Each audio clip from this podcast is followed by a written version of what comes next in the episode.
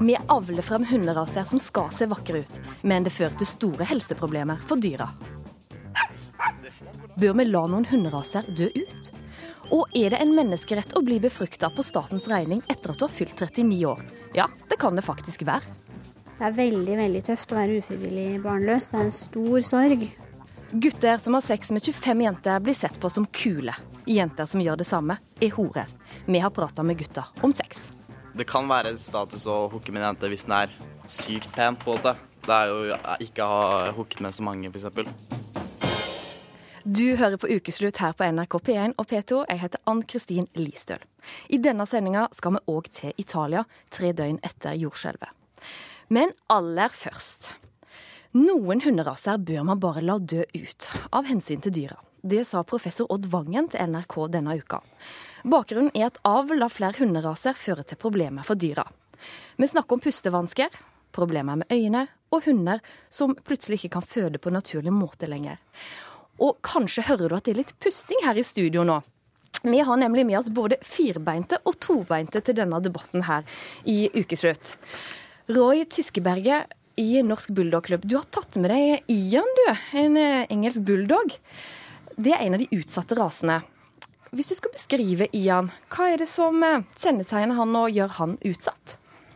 Jeg vet ikke om jeg vil si at han er spesielt utsatt, men han, han er en, en hund etter rasestandard. Både i størrelse og vekt. Litt stressa, men, men han puster i hvert fall fritt. Um, han er den krafthunden han skal være. De fleste kan jo bli litt stressa av å være direkte på, på radio. Men hva slags eh, ting er det dere må være særlig oppmerksomme på med hunder som han? Det er jo det at vi, vi må avle på individer med god pust. Vi må, vi må unngå å avle på de mest ekstreme. Vi har òg med oss Toril Mosseng, som er president i Veterinærforeningen. Og Ian her, er dette en av de hunderasene med de største problemene? Ja, eh, engelsk bulldog er en av de eh, rasene som har problemer i forhold til hvordan de ser ut, og da få en god funksjonalitet, altså vanlige kroppsfunksjoner som skal fungere. Det har vært en debatt om avl av hunderaser. Hva, hva, er det som, for folk som ikke kan dette her, hva, hva er det som er problemer? Det er forskjellige typer problem. Det som eh, kan være et problem, eh, det er at man avler mer på utseende enn man gjør på funksjonalitet. Og f.eks. Eh, på det vi kaller kortnese rundskallehunder, så har man ofte pusteproblemer. Og årsaken til det kan f.eks. være for trange nesebor, mangelfullt utviklet luft, luftveier. Og det kan være altfor mye vev i ganen, sånn at det stopper opp i forhold til at man skal få luft inn. Samme type type hund har øyeproblemer. Eh, man har så store øyer at de faktisk kan falle ut. Og noen av rasene har også problemer med å lukke igjen øynene når de sover, og derav får Eh, f.eks. Eh, hornhinnesår. Og så har vi en annen type problematikk, og det er ikke i, i forhold til bulldog, men andre raser, at man har avlet hunder som har for stor hjerne, altså hjernemassen er for stor i forhold til skallen, og de går da med nevrologiske symptomer og hodepine. Så det er mange forskjellige typer problemer man kan ha dersom man har en, et ekstremt utseende. Og dette er menneskeskapt fordi vi mennesker avler fram dyr som vi syns er litt søte type? Ja, det som er et paradoks, da, det er jo at disse hunderasene er veldig populære. De er skjønne i gemyttet, de aller fleste av de, og de ser eh, ut eh, på en måte som vi elsker de. Men på tross av det så er utseendet også med på å skape alvorlige problemer og dårlig dyrevelferd for mange av de. Tyskeberget, hvorfor skal vi ha sånne hunder? Først og fremst fordi det er fantastiske hunder. Men, men som hun sier, de, de, dårligste individene må vekk. Og vi må stille krav til avl. Noe som blir gjort i Norsk Bulldogklubb. Vi, vi, har strengere krav enn en Kennelklubben på alle områder. Og vi, vi, ønsker alle tester velkommen. Og vi utarbeider nå en kondisjonstest sammen med NKK. Og, og Nå er ikke Kennelklubben her, men hvis vi går tilbake til sånn som det har blitt da, ja. som følge av avl. Altså Professor Odd Vangen han sa følgende til NRK denne uka. Det er en del raser som det fortsatt blir avla på, til tross for at det skulle vært satt en strek over hele rasen. Da snakker jeg om raser der en er nødt til å ta keisersnitt, og, en, og der pusteplager kommer i ung alder. For eh, engelsk bulldog, da. Eh, hvor ofte må dere ta keisersnitt?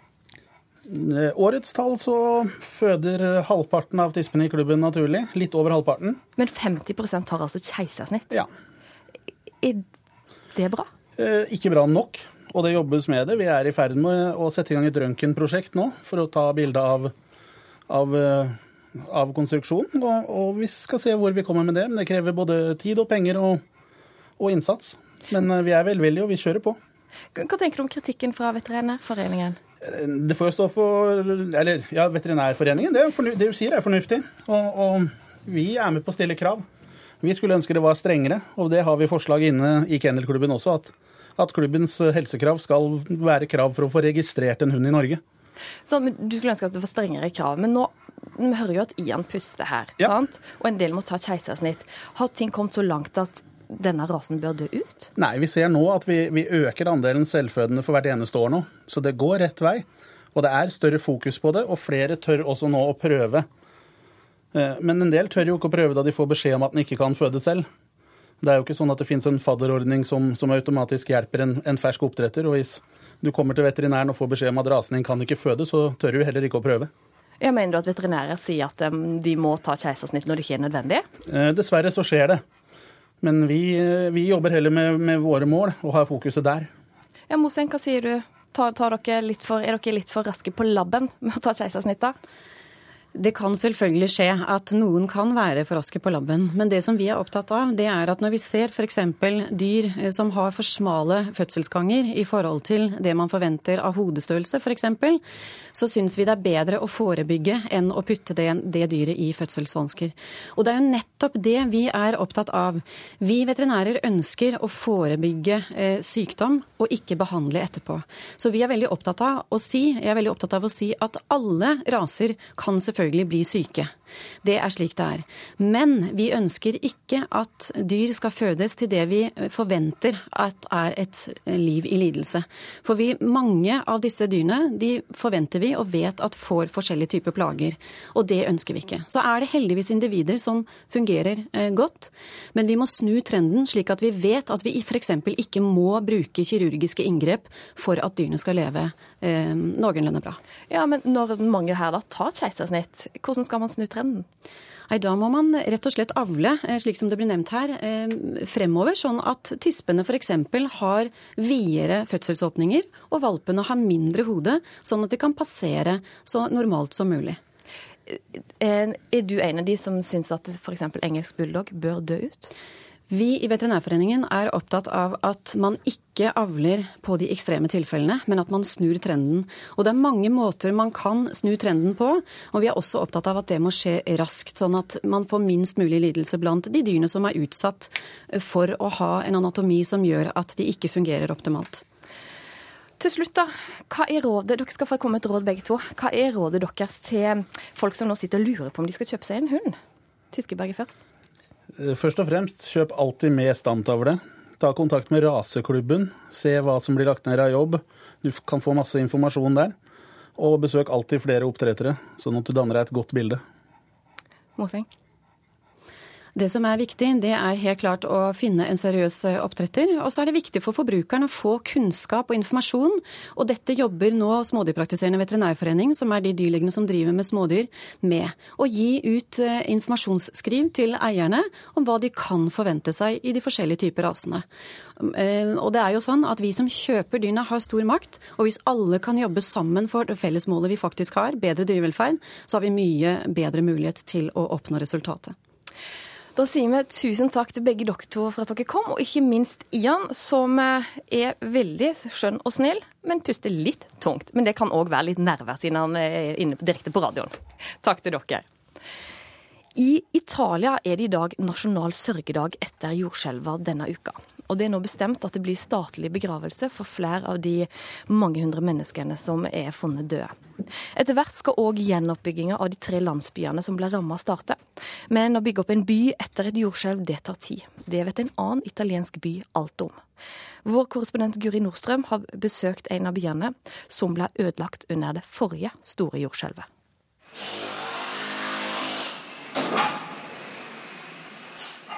Dette er lyden Alakila. Boring, sementbiler, gravemaskiner. Dette er lyden som innbyggerne i den italienske byen har levd med i syv år. For det tar tid å bygge opp igjen en by som naturkreftene knuser. Se se avessero dato i soldi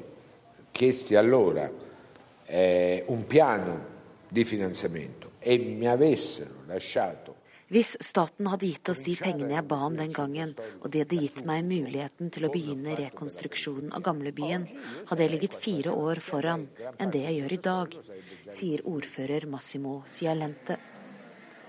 På stumtjeneren på kontoret henger det en dressjakke og en hjelm. For fra husene i sentrum som han passerer til og fra jobb, kan det fortsatt rase murbiter. Rom ble ikke bygd på én dag og Lakila er heller ikke gjenoppbygd på 1, 2, 3.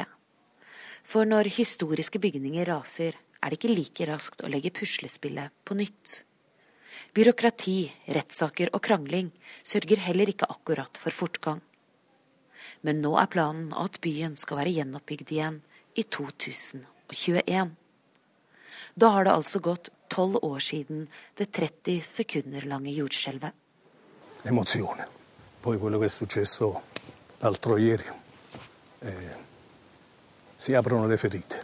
Det er veldig emosjonelt, det som skjedde for et par dager siden. Det åpner alle sår, sier Pasquale Casale. 6. april 2009 har igjen festet seg aller forrest på netthinnen. Quando è arrivata quella delle 3.32 Da det store skjelvet kom klokka 3.33, var det kjempesterkt. Smijernsenga mi hoppet ti centimeter opp i lufta, og så gikk den fra vegg til vegg etterpå. Da jeg endelig kom meg ut av huset, skjønte jeg hva som hadde skjedd, sier Casale. Incredibile. Quando siamo usciti fuori abbiamo capito che cosa era successo. 308 mennesker kom seg imidlertid aldri ut av husene sine den aprilnatta. Og nå har akkurat det samme skjedd i tre landsbyer som bare ligger en time unna. Dette er lyden av Lakila. Snart blir det også lyden av Matrice, Akomoli og Pescara del Tranto. Det sykeste er fadderuka. Da står førsteklassejenter på rekker og suger guttefadderne i skogen. Sitatet er det henta fra reportasjen som VG-helg hadde forrige helg, om en ungdomskultur som ifølge politiet blir stadig mer seksualisert, og som har skapt stor debatt denne uka.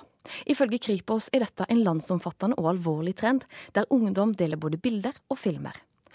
Men hvor lett er det for ungdom å vite hvor grensa går for hva som er et overgrep og hva som er frivillig sex? Debatten har rast i sosiale medier, men hva sier helt vanlige gutter sjøl om dette? Vi sendte vår yngste reporter ut på jakt etter en ærlig gutteprat. Jeg er på vei opp på en videregående skole i Oslo som ikke er for langt ute til verken vest eller øst. Målet er jo å finne vanlige gutter, men jeg aner ikke hva som venter meg. For en halvtime siden gikk jeg inn i noen skoleklasser og spurte om noen av gutta i klassen ville snakke med meg om sex. Det skulle vært en radioreportasje på NRK. En halvtime seinere er gangen full av gutter som vil snakke om sex. Dere får unnskylde litt forstyrrende lyd. Det, det, blir litt nervøs fikling med mikrofoner og kabler når en gjeng gutter sitter og prater om sex, klining, voldtekt og hooking. Men dette er altså norsk gutteprat anno 2016. Hvor mye, hvor mye status ligger det i å ha pult masse damer? Det ligger en del status i det. I hvert fall eh, hvem du har hatt sex med. da. Hvis du på en måte har hatt sex med en som er på en måte litt kostbar, da, så er, vil du på en måte gutta Å, oh, han klarte det. Første gang tror jeg det får gjort. Jeg husker det var første gang eh, det var på trinnet, tror jeg var, hele klassen, da, som fikk det. Og da fikk vi vite Jeg fikk vite om det to minutter etter jeg kom inn i døra. Og det var creds og sånn high fives og alt det der. Er det, er det sånn at du meg som uh, eh, 17 år gammel jente var redd for dere? Hva dere skal finne på på fest? Nei, Nei. Jeg kjenner meg ikke så veldig igjen i det. Eller altså, jeg tviler ikke på at det skjer, men uh, jeg kjenner meg ikke sånn veldig igjen i den voldtektskulturen. vold, vold,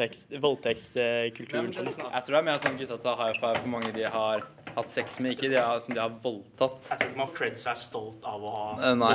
Særlig når du bruker ordet voldtekt. Altså, de kan særlig misforstå og tro det er altså, Kanskje det er voldtekt for jenta, men altså for gutten. Du sier jo liksom ikke 'faen, nå har jeg voldtatt en chick', altså. Jeg gjør jo ikke det.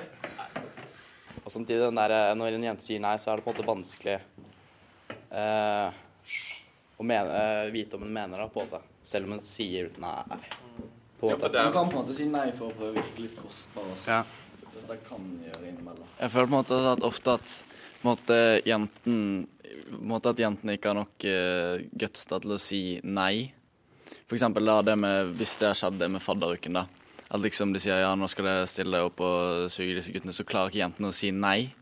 Og da måte vet jo ikke de guttene om de vil det eller ikke, hvis de ikke klarer å si nei. Uh, som f.eks. en kompis av meg. Altså, han hadde vært på en fest, uh, og der var det jenta som dro med han inn på soverommet. Og etterpå så ble han eh, da anmeldt for voldtekt. Heldigvis var det noen som hadde sett at det var hun som dro han, og ikke omvendt. Jeg føler det er altfor lett for jenter å på en måte anmelde voldtekt og si at gutter har voldtatt dem. Selv om vi gutter ikke har gjort noe galt, nødvendigvis. Og så er det også stor forskjell mellom gutter og jenter. Jeg tror det er mer cred for gutter å ha pult mange enn det det er for jenter. Ja, Jenter blir ofte stempla som horer da, hvis de har eh, hatt sex med mange gutter. Og Men ja. Cirka. Det, det, det, det kommer litt an Hvis det er på 25.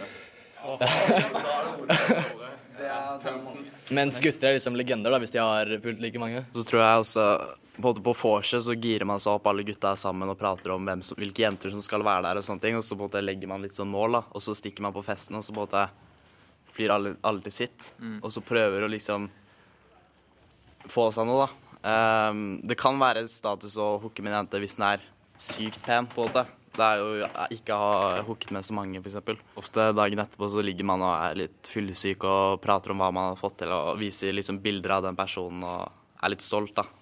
Vil ha litt cred for det. Men dette med deling av bilder og sånn på sosiale medier og Facebook-grupper og alt mulig sånt, åssen er det det skjer, hva er greia?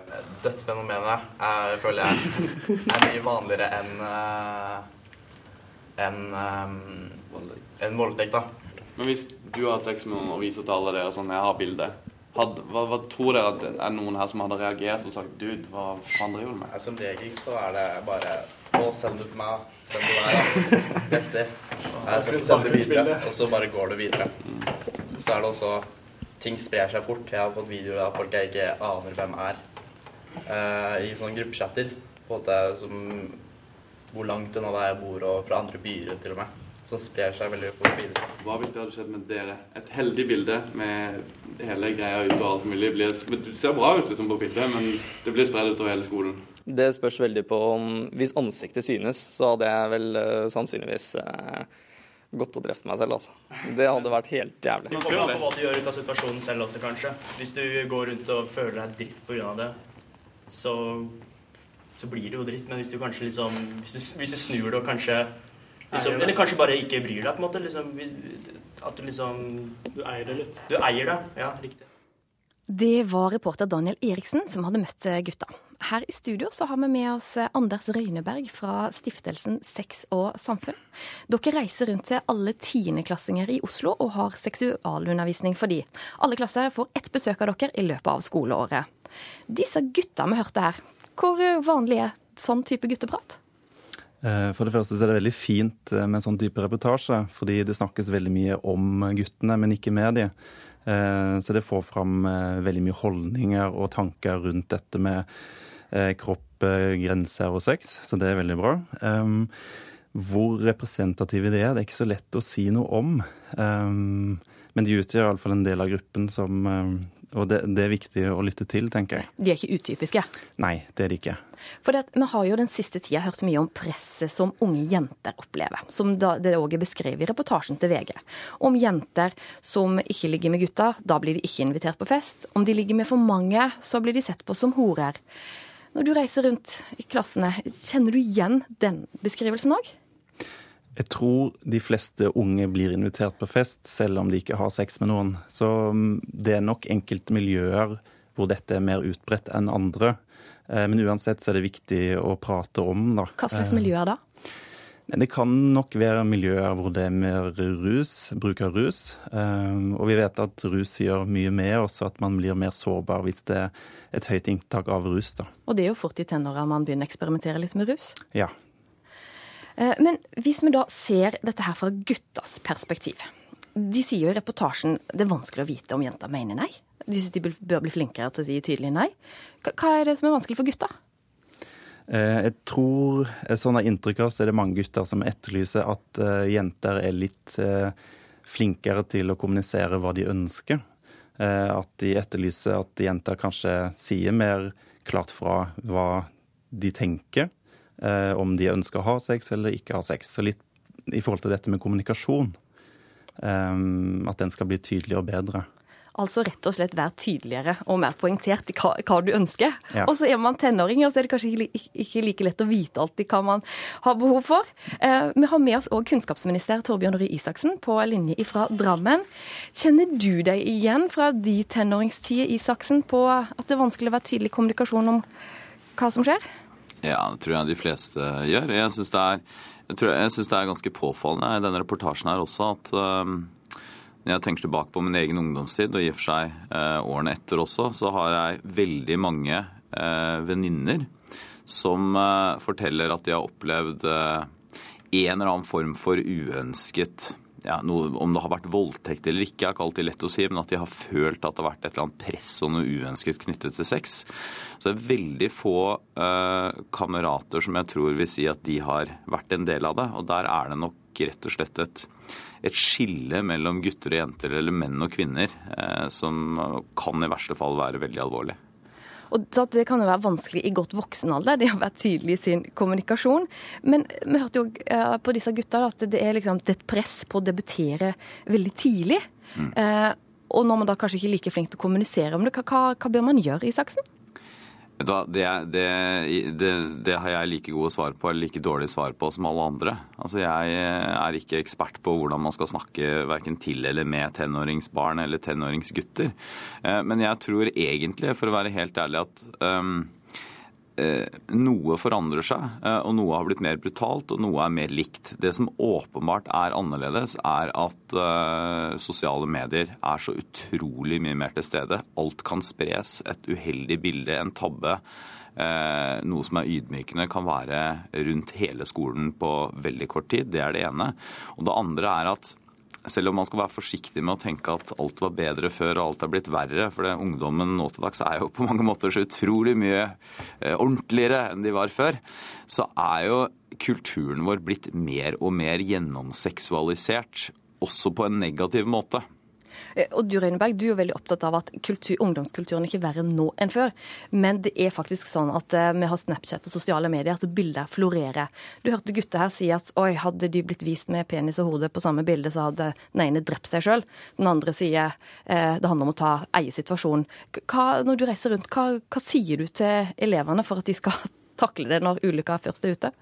Eh, jeg tenker jo også at hver generasjon har sine utfordringer, eh, og kanskje spesielt det med nett og deling av bilder er en stor utfordring ved denne generasjonen. Eh, men vi snakker jo mye om grenser, altså hva er OK å sende til andre av bilder og filmer, og hva er ikke OK.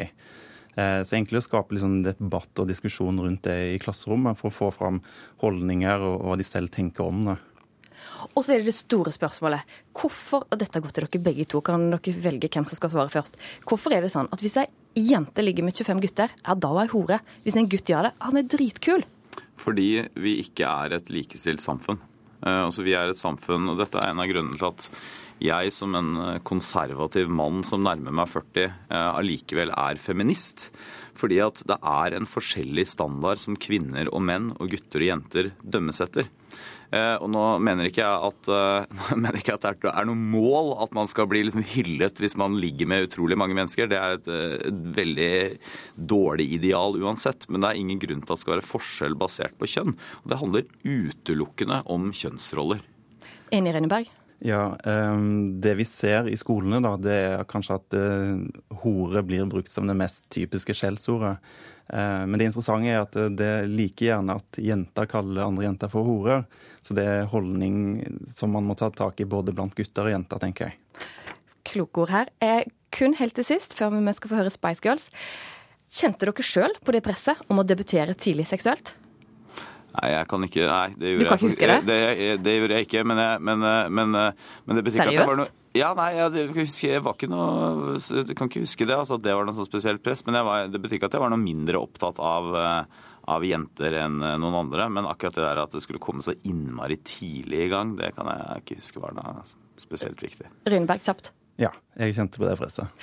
Tusen takk til dere begge to. Bli med videre i ukeslutt her på NRK P1 og P2, så får du høre mer om dette. Høyre vil droppe obligatorisk undervisning i sidemål, og sånt blir det bråk av. Jeg ser på det her som et slags angrep på sjølve nynorsken. Og er det greit at Venstre-leder Trine Skei Grande spiller Pokémon Go når Stortinget diskuterer Forsvarets framtid? Bildene har gått verden rundt. Min måte å konsentrere meg på, svarer Grande. Er det en menneskerett å få barn? Spørsmålet dukka igjen opp denne uka etter at NRK fortalte at Oslo universitetssykehus har satt ned aldersgrensa for de som trenger hjelp til å bli gravide. Før kunne kvinner få hjelp til de var 41,5 år. Nå er det stopp når kvinner er 39. Reporter Kari Li møtte en av de som rakk å få hjelp i tide. Stinkebleie? Bleia er full, og det stinker. Men Katrine Hårberg ser ut til å fryde seg over alt det den åtte måneder gamle sønnen Magnus presterer. ja, han kom til etter seks år. Eh, da har vi vært gjennom eh, ni påbegynte prøverørsforsøk og syv innsett av egg. Før det klaffa, da. Veien fram har vært full av hormonkurer, negative graviditetstester og store skuffelser. Det er veldig veldig tøft å være ufrivillig barnløs. Det er en stor sorg. Og den tror jeg ikke du kan kjenne på. Eller du kan jo ikke kjenne på den før du har vært gjennom det sjøl, på en måte. Desto større var gleden da hun så to blå streker. Nå er prøverørsbarnet en aktiv plugg som krever sitt av mora. Og hun har begynt å tenke på ett barn til. Ja, nå har jo jeg blitt 37, da. Og da skal man jo inn i en kø. Alle kvinner som hører den biologiske klokka tikke, fikk en deadline denne uka. Sterke reaksjoner på at færre ufrivillig barnløse får hjelp. Oslo universitetssykehus har stramma inn tilbudet fordi pågangen ble for stor. De som ikke klarer å bli gravide innen fylte 39 år, skal ikke lenger få hjelp på sykehus i Oslo. Tidligere var grensa 41 og et halvt år. Wow. Det her er århundrets trim. Dansetrinn terpes på det blanke parkettgulvet på Oslo Dansesenter. I kveld må alt sitte til Skal vi danse-premieren. Men å snakke ufrivillig barnløses sak, det er noe artist Jenny Jensen prioriterer. Altså, jeg blir bare sjokkert og forundra over at det er de aller svakeste, de som, de som virkelig trenger denne hjelpa. Det er jo de som er de eldste, det er de som trenger denne hjelpa. For det er jo de som har dårligst odd, og det er der tida renner ut. Jensen ble mor da hun var 43. Jeg bare visste at jeg skulle gjøre alt som var i min makt. Jeg skulle gjøre alt jeg kunne for å skulle oppnå det å bli mamma. Ti forsøk, fire år. Det tar tid, og det håper jeg kan være litt mitt budskap til de der ute som sliter. At de gir ikke opp etter ett eller to eller tre forsøk. Altså. Fra naturens side så har vi jo begrensninger. Altså Kvinner kan jo ikke få barn i all evighet. Er det ikke da greit at man sier at her er det liten sjanse, da setter vi strek? Jo, det er greit at man sier at det er liten sjanse. Jeg fikk jo beskjed om det. Du har liksom fem, nei, 10 sjanse på å skulle bli gravid. Men de 10% var jo håpet mitt. For det første er det jo ikke en menneskerett eh, å få barn. Har du lagt merke til det? Er det en menneskerett å få barn? Nei, det er ikke det. Menneskerettigheter nevnes nesten alltid når temaet er ufrivillig barnløshet. Men er det en menneskerett å få barn? Skal alle som ikke kan få det på naturlig vis, ha krav på hjelp? Sånn har det vært siden vi starta med prøverørsbehandling på 80-tallet. Det var jo det var stilt innledningsvis spørsmål om det var en menneskerett å få barn. Eh, og svaret på det, det er nei. Men har politikerne og hvermannsen rett? Hallo! Jeg har ringt på hjemme hos en ekspert. Nei, det å koble menneskerettigheter til ufrivillig barnløshet, det syns jeg man må slutte med. Gro Hillestad Tune er menneskerettighetsjurist. Og jeg syns på mange måter det er respektløst overfor mennesker som da har et, no, sliter med noe som, som, er et alvorlig problem.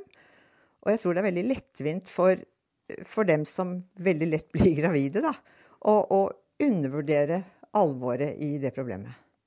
Og, og, og det er, jeg syns det er spørsmål om solidaritet med, med, med, dem som er i en annen situasjon. Sjette etasje. Høyt over bakken på Majorstua i Oslo finner jeg en ekspert til. Det ene er at du da kan bruke ordet menneskerett på en helt feil måte. At du da ynkeliggjør eller stakkarsliggjør denne personen ved å si at den situasjonen din den er ikke så veldig viktig, fordi det, den ikke dreier seg om noen menneskerettigheter. Njål Høstmeldingen er menneskerettighetsjurist og direktør på forskningsinstituttet ILPI. Han mener Oslo universitetssykehus kan ha brutt menneskerettighetene da de satte ned aldersgrensa til 39 år. Og da er det sånn at menneskerettighetene vanligvis spør om en individuell vurdering. Er denne kvinnen fertil eller ikke? Er det en grunn for at uh, du skal få behandling eller ikke? Og hvis de setter disse absolutte grensene, så vil det fort kunne lede til diskriminering. At man sier at her er det diskriminering ut ifra alder. Du vurderer ikke mitt subjektive forhold. Og hvis det er diskriminering, så er det brudd på menneskerettighetene. Ja, Det er, som jeg har sagt noen ganger før, ikke slik at vi skjærer alle over én kam. Klinikksjef Bjørn Busund vil ikke være med på at Oslo universitetssykehus diskriminerer noen. Vi gir alle en individuell vurdering, slik at det er ikke sånn at det er absolutt uh, uh, umulig å få behandling når man er over 39. Men da stiller vi krav om at det skal være gode verdier på AMH, som er et hormon som predikerer nokså godt hvor stor sjanse det er for å lykkes. Noen vil jo tenke at 10% sjanse er ganske bra sjanse? Tja Det er jo, det er jo litt avhengig av øynene som ser. Eh, hvis man ser på eh, de samfunnsmessige kostnader, eh, så vil jo noen kunne si at det er kanskje Det blir nokså dyre barn, dette her.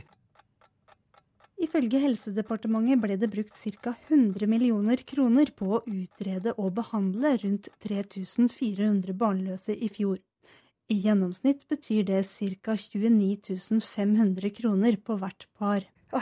Det er jo et regnestykke som kommer til å gå i et voldsomt pluss med tida.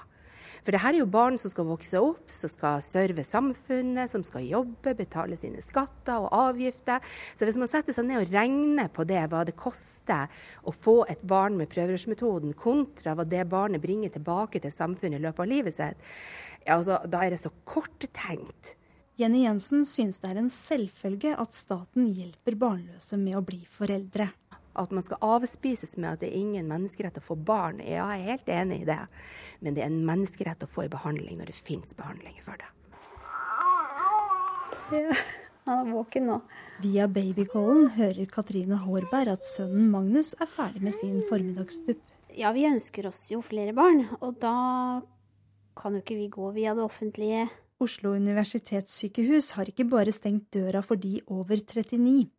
Også de som har fått et barn, og som vil ha et til, må søke hjelp andre steder. Men eh, nei, jeg tenker veldig på dem det gjelder, som er i den prosessen, og som ikke får, uh, får lov til å gjennomføre forsøk.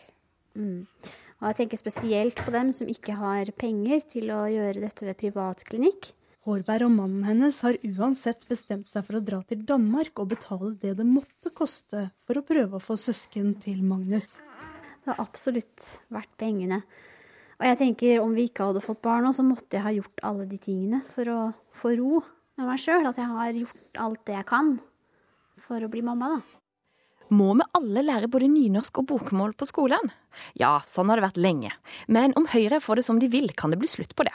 For programkomiteen til Høyre foreslår nå at sidemålsundervisning ikke lenger skal være obligatorisk.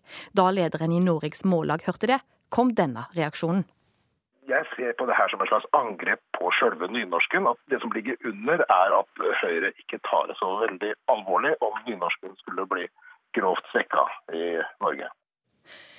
Dette forslaget det mener de alvorlig, og en av de som er fornøyd med det, det er du, Jakob Mæle, som er sentralstyremedlem i Unge Høyre. Og dere i Høyre er jo veldig opptatt av karakteren om dagen. Hva slags karakter fikk du i nynorsk? jeg endte opp med fire i nynorsk, som jeg tror er helt uh, greit. Men jeg syns ikke at det er det aller viktigste. Og så vil jeg bare si sånn innledningsvis at jeg er veldig uenig med eh, han fra Mållaget. For jeg mener tvert imot at dette kan styrke nynorsken. Hvorfor det? Nei, jeg tror eh, Hvis man gir elevene mulighet til å velge det bort, så vil man få de mest motiverte elevene til å velge nynorsk. Eh, og så slipper de som allerede sliter med hovedmålet sitt å ha nynorsk. Det vil kanskje over tid føre til en, en holdningsendring til faget. Og det vi ser i dag, er at veldig, veldig mange elever har et anstrengt forhold til det faget fra før av. Så jeg tror ikke det hjelper å, å dytte det på dem som man har gjort nå i mange år. Men tendensen er jo at veldig mange velger vekk nynorsk.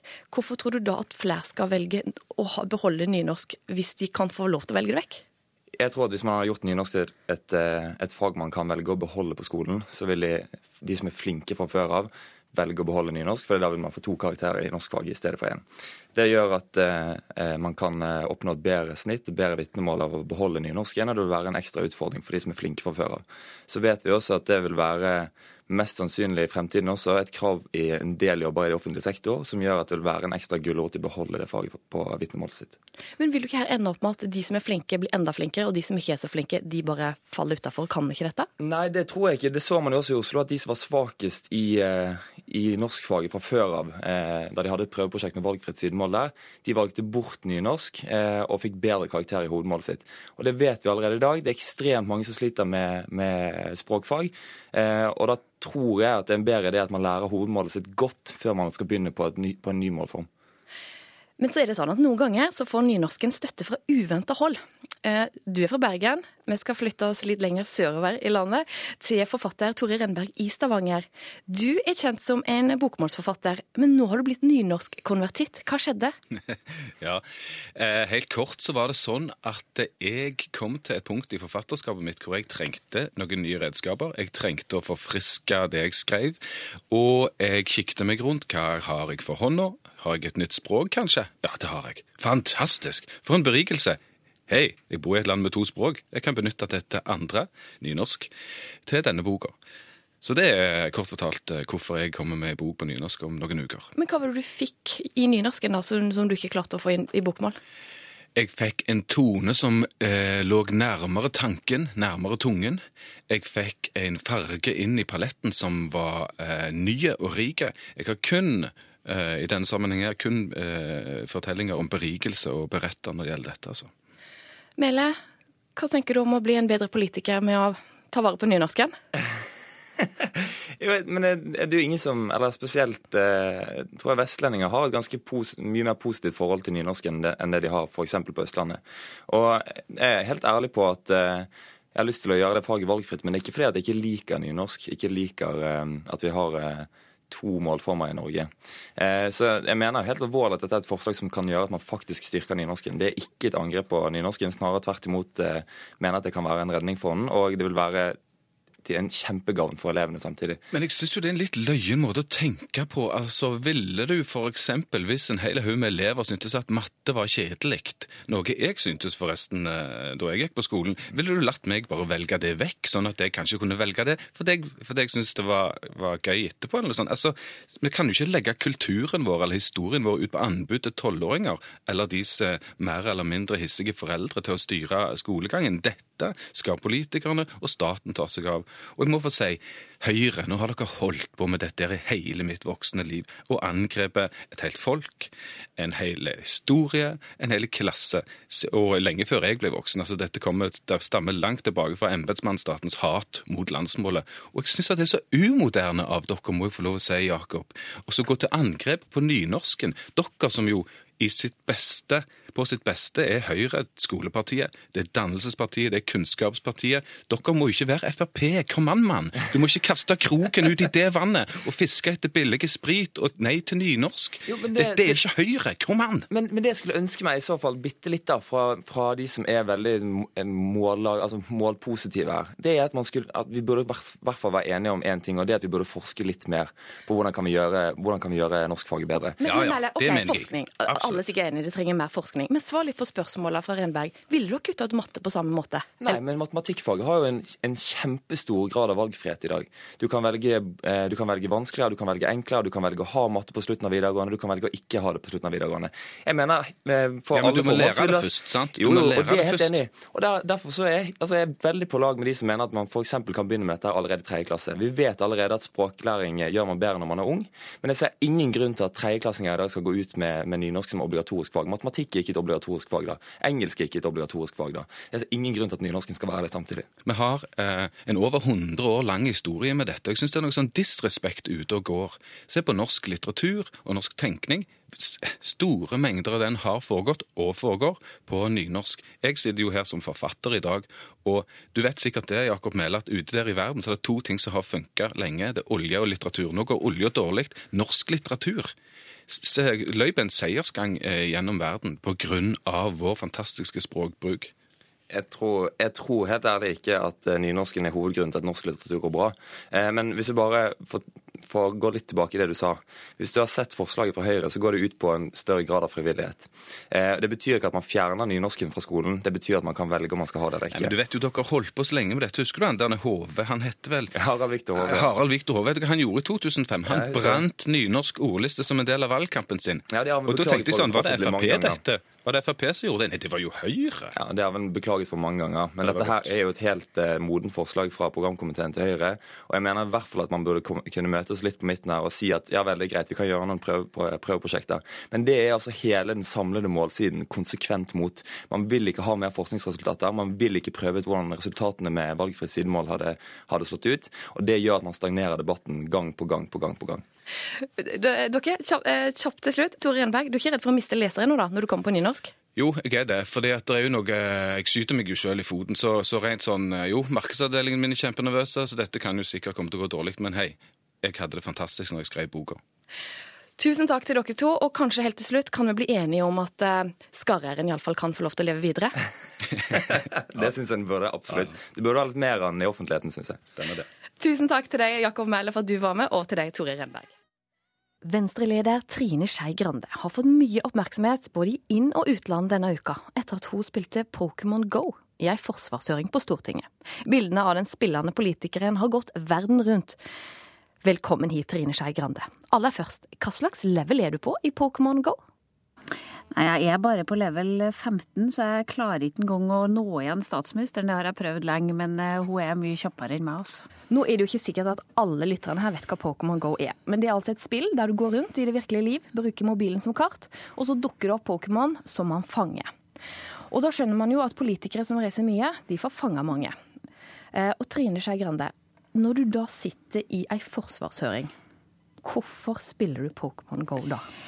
Nei, for det første må jeg si at jeg er veldig lei meg for at dette liksom ble fokuset i forsvarshøringa. For jeg syns jo det var mange oppsiktsvekkende ting der når det både gjaldt Hæren vår, Heimevernet og Forsvaret og kysten og sånn som egentlig burde ha vært fokus. Men du bidro til at det da blei fokus ved å spille? Ja, eller det var noen som zooma inn på min mobil, som, som syntes at det var mer oppsiktsvekkende enn dem som sender SMS-er leser nyheter eller sender tweets eller svarer på mail.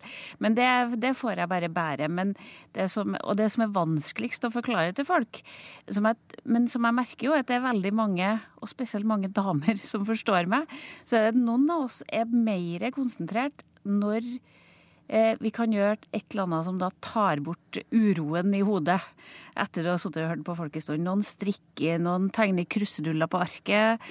Noen eh, vipper veldig hardt med foten for å få ut den der energien som gjør at du blir urolig.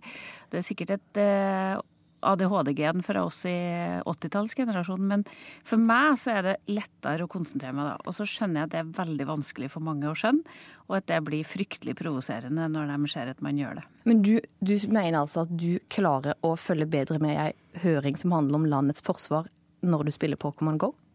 Ikke hvis jeg spiller hva som helst. Du kan ikke spille sjakk. Nei, men Pokémon Go, da? Ja, det er, et, det er et spill som ikke tar opp den delen av hjernen som sitter og lytter. Dette er bare noe som fingrene får gjøre for å få ut den overskuddet av energi.